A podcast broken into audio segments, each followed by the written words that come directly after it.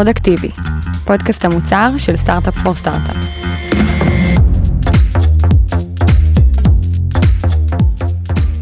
שלום לכולם, אני רן ארז ואתם הגעתם לפודקאסט שבו אנחנו מדברים עם מנהלי ומנהלות מוצר מחברות שונות על בעיות מוצריות שהם נתקלו בהם, איך ניגשו לפתור אותן ומה הלמידות שהיו להם בדרך. ואנחנו בעוד פרק עם דוברת מעולה שעומדת לדבר בכנס Product X, כנס למנהלי ומנהלות מוצר שהתקיים ב-12 או ב-13 בפברואר, והשנה גם אנחנו נתארח בו ונקליט פרק בלייב ישר מהאירוע, אז מצפים לפגוש אתכם. אה, ובפרק של היום אנחנו נדבר על הבעיה המוצרית הבאה. איך מבינים אם AI נכון למוצר שלי? ומי שתספר לנו על ההתמודדות שלה עם האתגר הזה היא שלי שמורק, product leader בחברת וולמרט אספקטיבה, ומקימת הפודקאסט מוצרלה. מה קורה שלי? מה נשמע? מצוין, אני ממש שמח שאת פה. תודה, אני גם ממש שמחה להיות פה. מעולה, אז אולי שלי תני לנו קצת context אה, עלייך ועל הבעיה שאנחנו הולכים לדבר עליה היום. אוקיי, אז אה, בעצם ב...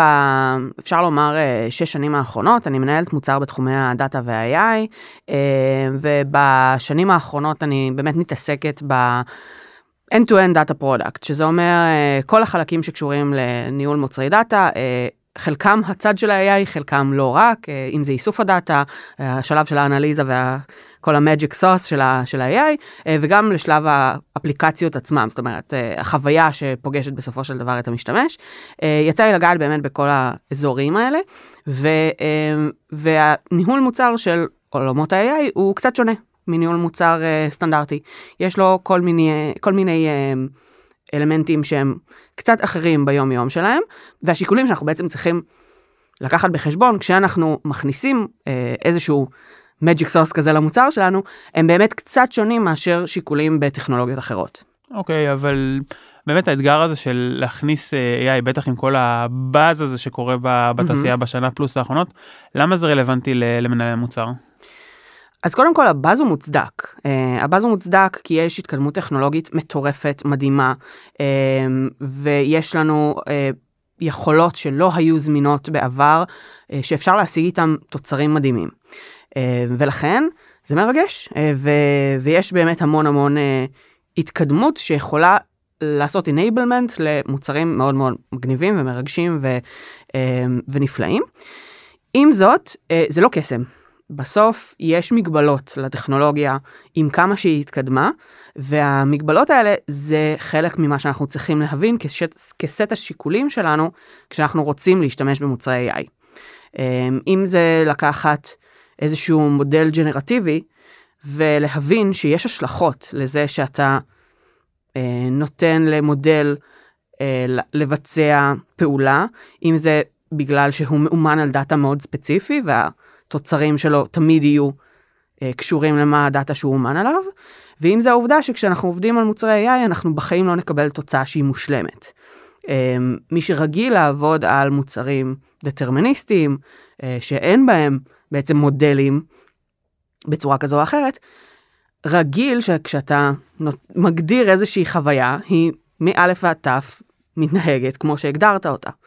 ופה בעצם יש מלא edge cases ולכל edge case כזה צריך להתייחס. אז יש אלמנטים שצריך להתייחס אליהם שהם ממש משפיעים על הרגולציה וה privacy וה security והרבה מאוד אלמנטים שקשורים לעולמות האלה. אבל יש גם המון המון אלמנטים שקשורים לחוויה ולאיך בסוף הצרכן, ה user, הלקוח, הולך לקבל ולראות דברים שלפעמים הם יכולים להיות גם מביכים.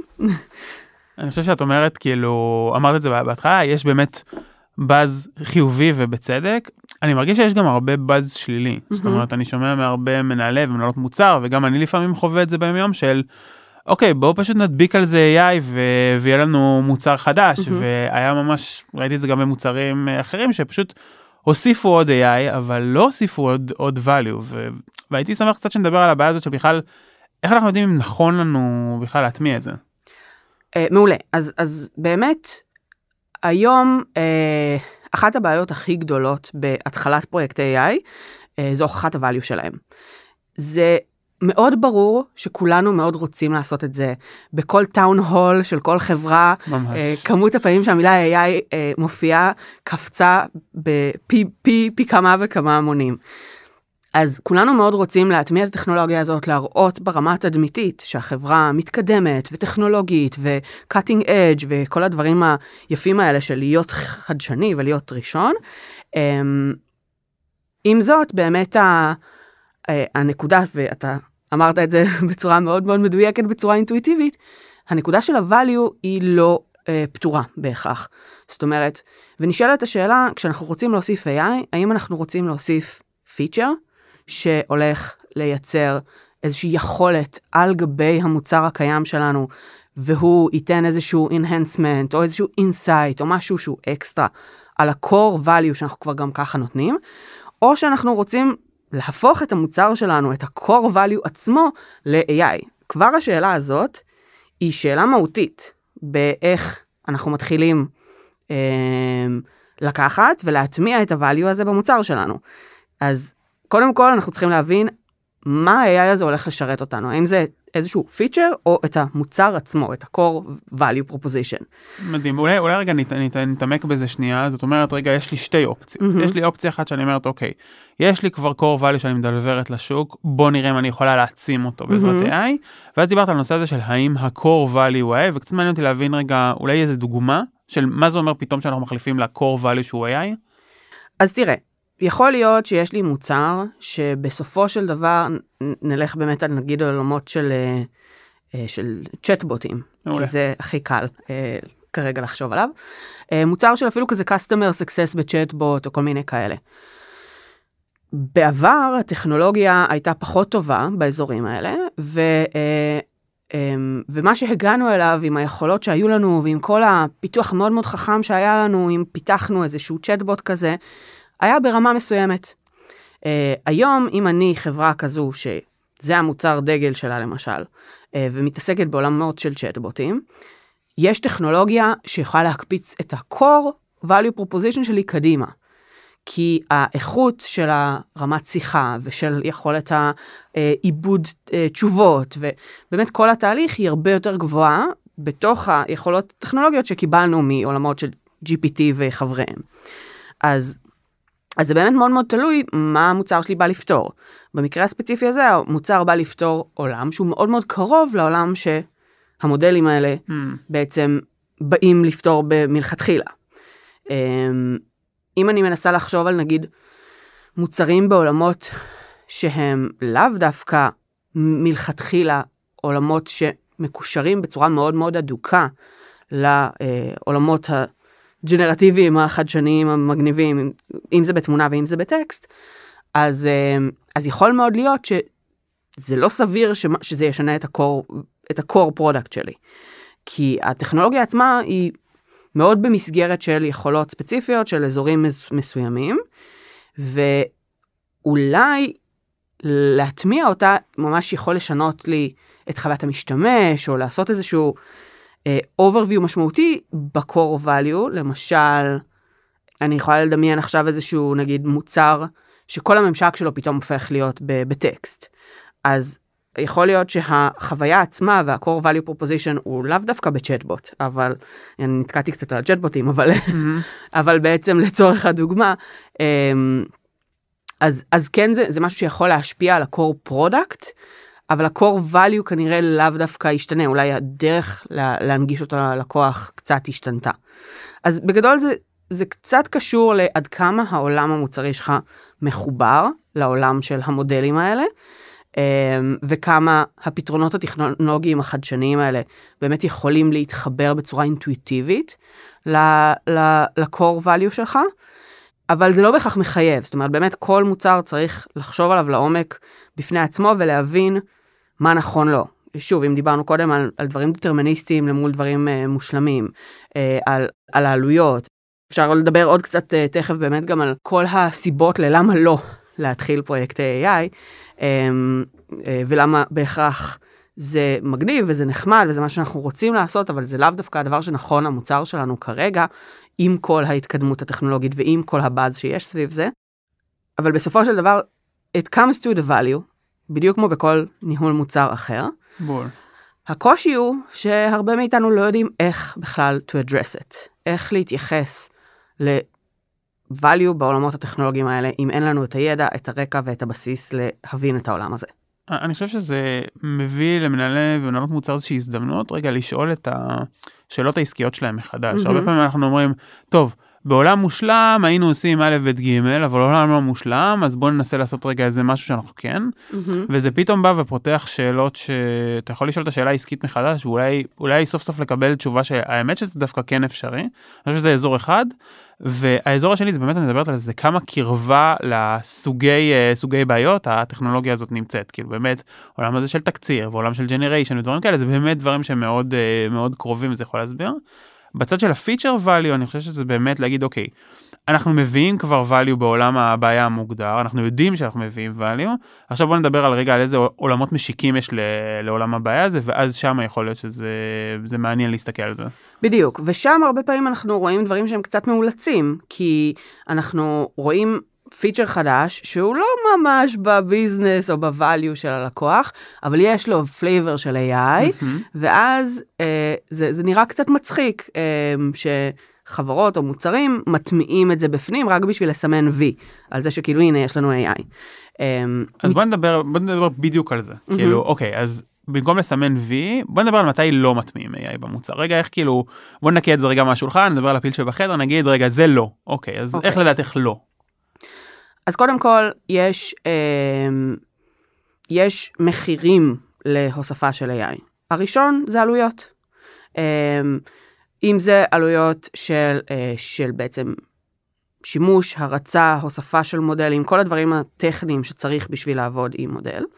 ואם זה עלויות של אנשים שצריכים ללמוד את היכולות האלה, או לגייס אותם בשביל שיהיו מסוגלים לעשות את הדבר הזה, ואם אין לי את כל הדברים האלה מהצד של העלויות, זה יהיה מאוד מאוד יקר, זה יהיה פרויקט מאוד מאוד יקר. אנחנו רוצים להסתכל על ה-ROI, אנחנו רוצים להבין שמה שאנחנו עושים make sense, אז קודם כל, העלות פה תהיה מאוד גבוהה מלכתחילה, אם אין לי שום בסיס להתחיל איתו. זה דבר אחד. דבר שני, גם נשאלת השאלה מה הטכנולוגיות שיש לי. האם הן מתחברות בצורה הגיונית ל...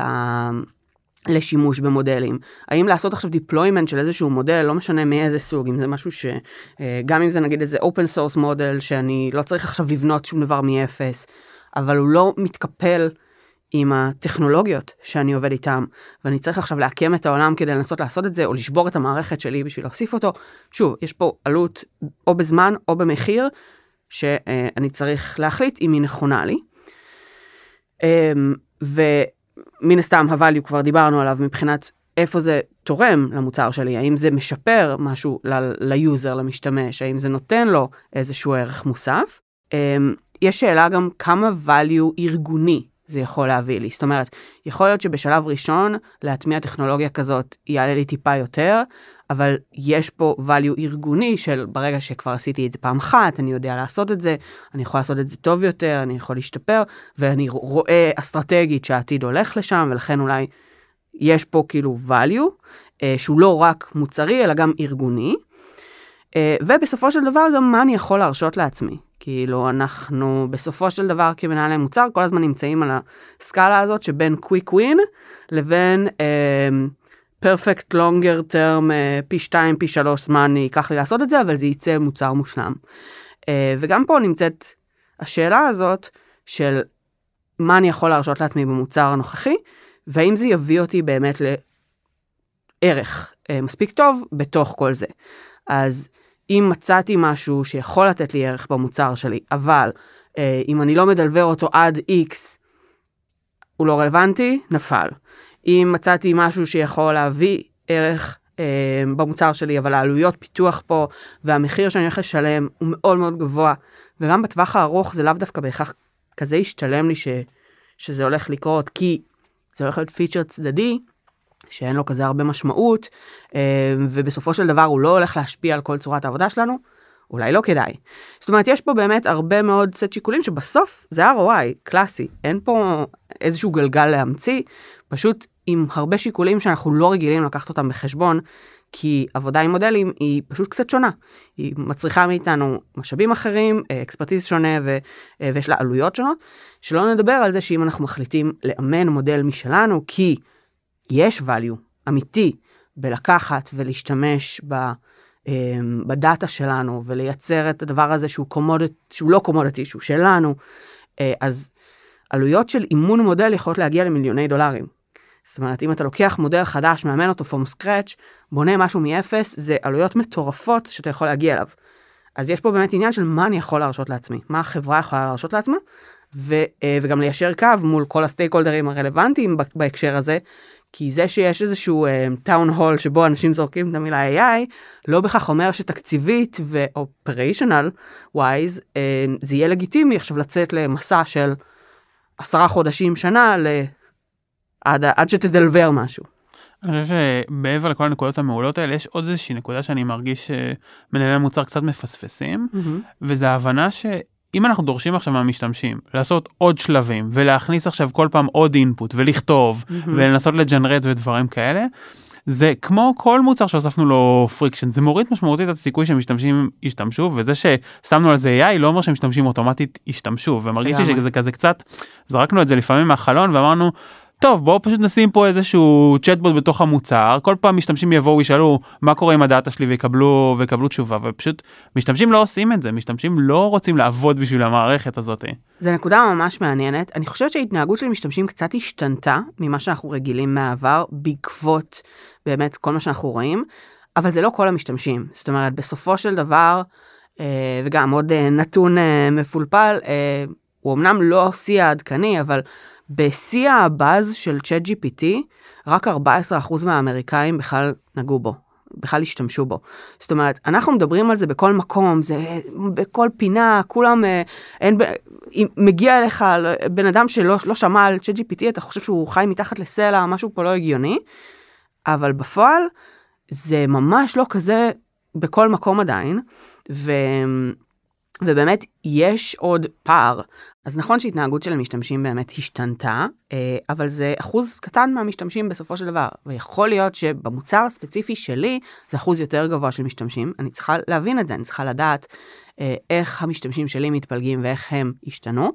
אני כן חושבת אה, שברמה מסוימת, הרבה מאוד uh, חברות או סטייק הולדרים או מנהלי מוצר רואים את השלב הזה של הצ'טבוט או של הניהול שיחה כשלב ביניים בדרך ל-conversational uh, UI. ואז, זאת אומרת, הניסיון הזה של לייצר חוויה שהיא שיחה, שהיא שיחתית, אז uh, זה משהו שהוא זמני, שהם רוצים ל- לבחון ולהתנסות בו עד שנגיע בעצם לממשקים שהם לחלוטין קוליים. שוב, אני חושבת שברמת ה timeline, אה, מנהלי מוצר קצת מניחים שה timeline קצר יותר ממה שהוא יהיה בפועל. מצד שני אין לדעת, ההתקדמויות האלה הן באמת לפעמים בקצב מסחרר, אה, ולפעמים אה, יש עצירה והאטה, ואנחנו נגלה פשוט לראות מה קורה.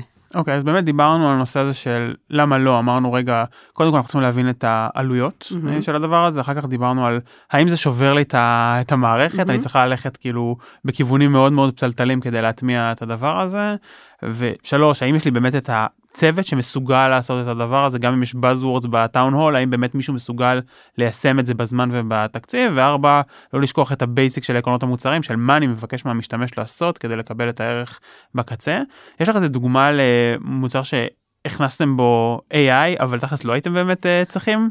אז אני יכולה לתת אולי דוגמה של איזושהי, uh, איזשהו שיתוף פעולה שהוא הוצע לנו או הגיע אלינו אה, בעצם בתוך הצוותים אה, בוולמארט, שבו צוות אחר שמבין קצת פחות בעולמות האלה, מאוד רצה אה, לייצר חוויה של... של ג'ינרוט טקסט ולהקל על חייו של ה user במקומות שבו ה user צריך להכניס טקסט. וזה היה רעיון נורא חמוד עם כנראה, זאת אומרת, את המטריקות שהם רצו להזיז, הוא כנראה היה מזיז בצורה טובה, כי זה באמת היה מקצר את תהליך כתיבת הטקסט עבור user, ומשפר בעצם את ה-conversion בדף הזה. אה, פה ספציפית, אה, לנו כאנשים שקצת מכירים כבר את העולמות האלה ורגילים לעבוד בו, אמ, הדגלים הראשונים שעלו הם דווקא דגלים של, אמ, אה, של legal ו-trust and safety, במקומות שבהם אתה מכניס מילים ללקוח, כשבעצם הוא אמור להיות מי שמביא אינפוט, והאינפוט הזה צריך להיות ניטרלי. אז אם אתה עוזר לו לכתוב טקסט בעולמות כאלה, אתה בעצם קצת מתווה לו את מה שהוא הולך להגיד. אמ, ושם באמת זה, זה איזשהו קונפליקט, איזשהו דיון, שבו כן, אתה מקצר, אתה משפר את המטריקות שלך, אתה יכול להגיע למוצר מאוד מאוד מדהים, אבל ברמת חוויית המשתמש, אתה תפגע בה בסופו של דבר, כי אתה תפגע ב trust של ה user. והיה איזשהו דיון ואיזשהו מהלך שבו בעצם אה, אנחנו, כמחזיקי הדגל של הטכנולוגיה הזאת, או לפחות ככה אנחנו רוצים לראות את עצמנו, אמ, דווקא התנגדנו, או בצורה פוליטית ואמריקאית ויפה, אבל אה, לא היינו בעד ה, אה, היכולת הזאת, או לא דחפנו אותה קדימה, אה, כי הבנו שיש פה risk מאוד מאוד גדול ומאוד מורכב, שיפגע ב-core value של המוצר באופן כללי. אה, ופה במקרה כזה למשל, לקחת אה, איזה שהם data point שנאספו על ידי לקוחות אחרים אה, בצורה אגרגטיבית, ולבוא ולהגיד ל user, הנה ה top X נושאים ש users אחרים כתבו עליהם, אתה מוזמן לכתוב עליהם, אבל אתה לא חייב, עדיין נותן הרבה יותר empowerment ל user לכתוב ול generate את הטקסט בעצמו, בלי שאנחנו נפגע ב trust או ביכולת של ה user הזה או users אחרים שאחר כך יקראו את הטקסט הזה. אז היכולת ל generate מודל, ל generate טקסט ולברוא עולם מתוך באמת יכולת טכנולוגית נורא מרגשת, נורא מגניבה, פשוט לא היה נכון במצב הזה. הרבה יותר נכון היה לקחת משהו יוריסטי, פשוט, כן, מבוסס מאחורה אולי על uh, כל מיני מודלים של חילוץ טקסט ודברים חכמים שעשינו uh, לפני כן, אבל להשקיע הרבה פחות בפיצ'ר הספציפי הזה, ולתת uh, מוצר עם value יותר צנוע, אפשר להגיד שכנראה יזיז את ה-conversion rate ואת המדדים הספציפיים שעניינו אותנו פחות, אבל ה-core value שלו והסיכון שהוא מביא איתו הרבה יותר נמוך. אני חושב שזה מעולה, באמת צריך שנייה רגע לזכור, האם זה רלוונטי באמת לעולם האמיתי? זה לא שנתחיל עכשיו להטמיע צ'אט GPT במשטרה בשביל לגבות תצהירים, כאילו גם אם זה יקל על כמות התצהירים, זה לא, זה לא עוזר לנו, זה בדיוק הנקודה. דוגמה מעולה. אמ, אז בוא, בוא ניקח את זה רגע דווקא למתי כן. אז מתי אנחנו כן, אה, כן רוצים לשקול Mm-hmm. הטמעה שלה, איך יודעים? אוקיי, אז, אז קודם כל דיברנו המון על למה לא. אה, וזה לא אומר שאני נגד, אה, אני ממש בעד, אני אוהבת את העולמות האלה ואני חושבת שהם באמת באמת יש בהם פוטנציאל אדיר. אני חושבת שבהרבה מצבים אנחנו צריכים לעשות פה איזשהו שילוב. אנחנו נצטרך לעשות איזשהו שילוב של אה, דברים שהם קצת יותר יוריסטיים, קצת יותר אולד סקול, עם מודלים, כדי שנוכל גם לעשות מיטיגציה לכל הבעיות, לכל הסיכונים, וזה בהנחה שבאמת אנחנו יכולים להרשות לעצמנו את עקומת הלמידה, את הזמן שזה ייקח, אה, ואת כל הבאמת סט אה, שיקולים שדיברנו עליהם קודם. אז, אבל הכל מתחיל ונגמר באמת בזה שאנחנו צריכים אה, לבחון את ה-value שאנחנו נותנים למשתמש, ולוודא שאנחנו מגבירים אותו. בסוף AI זה יכולת טכנולוגית.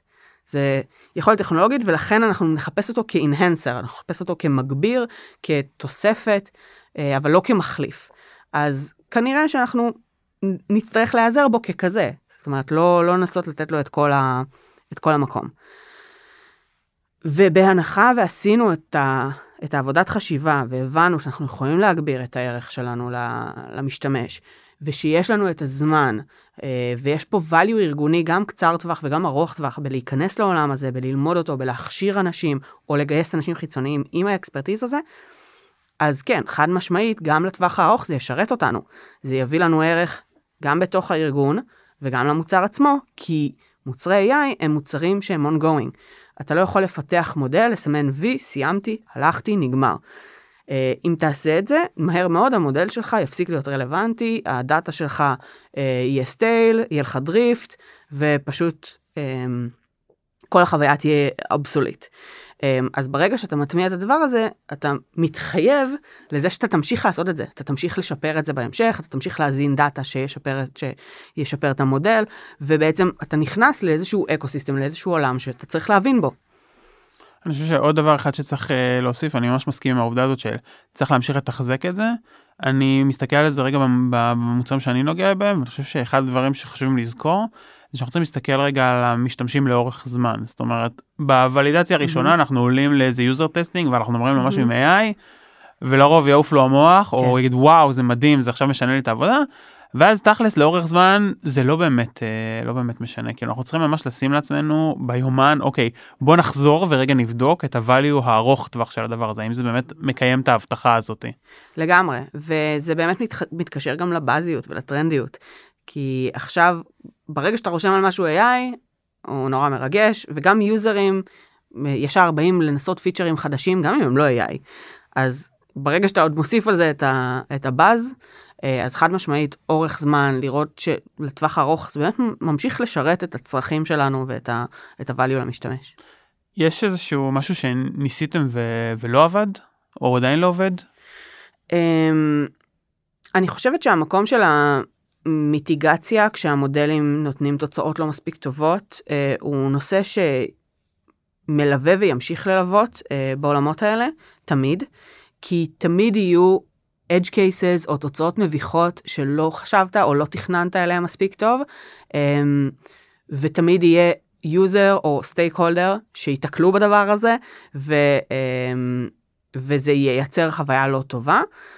והתהליך של לנסות לייצר לזה mitigation, בין אם בדרך החוויה, דרך ה engineering או דרך ה data science, לא משנה באיזה אפיק אתה מנסה לעשות את ה mitigation הזאת, הוא תהליך שהוא, שוב, מוצר שהוא לא מושלם, מודלים תמיד יביאו לנו טעויות, תמיד יביאו תוצאות מביכות ברמה כזו או אחרת, אז אנחנו תמיד נצטרך לחשוב על what could have been. אה, והיכולת שלנו היא מוגבלת לזה בסוף, אה, אנחנו לא יודעים את מה שאנחנו לא יודעים, ועד שלא ניתקל בתוצאות כאלה ב production, כנראה שלא נדע שדברים מסוימים יכולים לקרות, אה, שלא נוכל לחשוב על הדבר הזה, אז כן, לגמרי, הדברים האלה ממשיכים וימשיכו לקרות, אני חושבת שלאט לאט אנחנו נתרגל אליהם יותר, ו, ונדע אולי להתרגש מהם פחות, אולי בעצם לתקשר אותם בצורה יותר טובה גם למשתמש וגם אה, לקולגות בארגון, אבל בסופו של דבר זה נראה לי אזור שלא יעזוב אותנו. זאת אומרת, מודלים לא הולכים להיות מושלמים. זה, זה, זה בסוף הסתברות סטטיסטית ותמיד תמיד תהיה סטייה. אז, אה, אז כן, אז אני חושבת שבאמת האזורים האלה הם אזורים שתמיד אמ, ימשיכו להפתיע אותנו, תמיד יהיה פדיחות. אה, השאלה אם אנחנו מצליחים להימנע מכמה שיותר פדיחות, לצמצם את זה מראש, אה, לחשוב על זה לעומק, וזה גם קצת מחזיר אותי לעובדה שאנחנו צריכים קצת להבין בעולם תוכן, אנחנו צריכים להבין מה מודל עלול לעשות, מה מודל עלול להציע, ולחשוב עשר צעדים קדימה על כזה, על what could have been, כדי לנסות ולתכנן עד כמה שאפשר את ה-edge cases האלה מראש. יש איזה תובנה ככה שהיית רוצה לשתף עם אה, מנהלי ומנהלות מוצר שמקשיבים לזה מתלבטים עכשיו אם אה, להכניס או לא? אמ, אני חושבת שבסופו של דבר, זאת אומרת, אמ, אין ספק שכולנו נצטרך בצורה כזו או אחרת להסתגל לטכנולוגיה החדשה הזאת ולהבין איך לעבוד איתה. אז אני ממש ממליצה כן להיכנס ולקרוא וללמוד ולהתעניין ולהבין מה זה אומר. אה, גם אם זה משהו שנכון לכרגע לא נכון למוצר שלכם. אה, אבל כן, כאנשי מקצוע, להשאיר את עצמכם ולהגיע למצב שבו אתם מסוגלים לקבל את ההחלטה הזאת ממקום מושכל, ולא ממקום של רק כי אני לא מבין, או רק כי אין לי את האקספרטיז. אה, כי זה סיבה קצת מבאסת. אז כן הייתי מעדיפה שנקבל את ההחלטה לא להטמיע AI מה, מהסיבות הנכונות, כי אנחנו יודעים שזה לא נכון למוצר שלנו כרגע, ואנחנו מבינים מה ההשלכות של זה. אמ, אז אני ממש ממש כן מאמינה שזה עולמות שימשיכו להיות רלוונטיים, הם ימשיכו להיות סביבנו, אנחנו צריכים להתחיל להבין בהם יותר. הם דורשים להיכנס לפעמים יותר לפרטים ממה שאנחנו רגילים או רוצים בעולמות אה, טכניים קלאסיים. אמ, יש אנשים שיש להם פשן לזה והם נהנים מזה מאוד, יש אנשים שפחות, ואתם צריכים למצוא איפה אתם נמצאים על הסקאלה, בשביל להבין איך אתם יכולים בסופו של דבר להביא value לעולמות האלה בהמשך. מגניב. מה שאני לוקח ולמדתי ככה זה אחד קודם כל לשאול את עצמי האם זה אה, ה-core value של המוצר שמשתנה או שזה value enhancer במקום שאני כבר מתקדם בו. שתיים הנושא הזה של להבין רגע אוקיי גם אם אנחנו עושים יש באז ו-AI מופיע בהמון המון מילים ויש באז חיובי יש גם באז שלילי האם באמת הצוות שלי מסוגל לעשות את זה mm-hmm. גם מבחינת תקציב גם מבחינת ידע וגם מבחינת ה friction שאני מוסיף אה, למשתמשים. והדבר האחרון זה באמת האם זה עושה היגיון בעולם האמיתי כאילו האם באמת נכון זה יעלה את הקונברז'ן mm-hmm. נכון יותר אנשים ימלאו טפסים אבל האם באמת זה עושה היגיון ב... בעולם האמיתי. אז שלי תודה רבה רבה לך ורגע לפני שנסיים אני רק אגיד שאם אתם רוצים לדעת כל פעם שיוצא פרק חדש בתוכנית שלנו אתם מוזמנים לעקוב אחרינו בכל אחת מהאפליקציות. תודה רבה שלי. תודה. ותודה לכם שהאזנתם. ביי.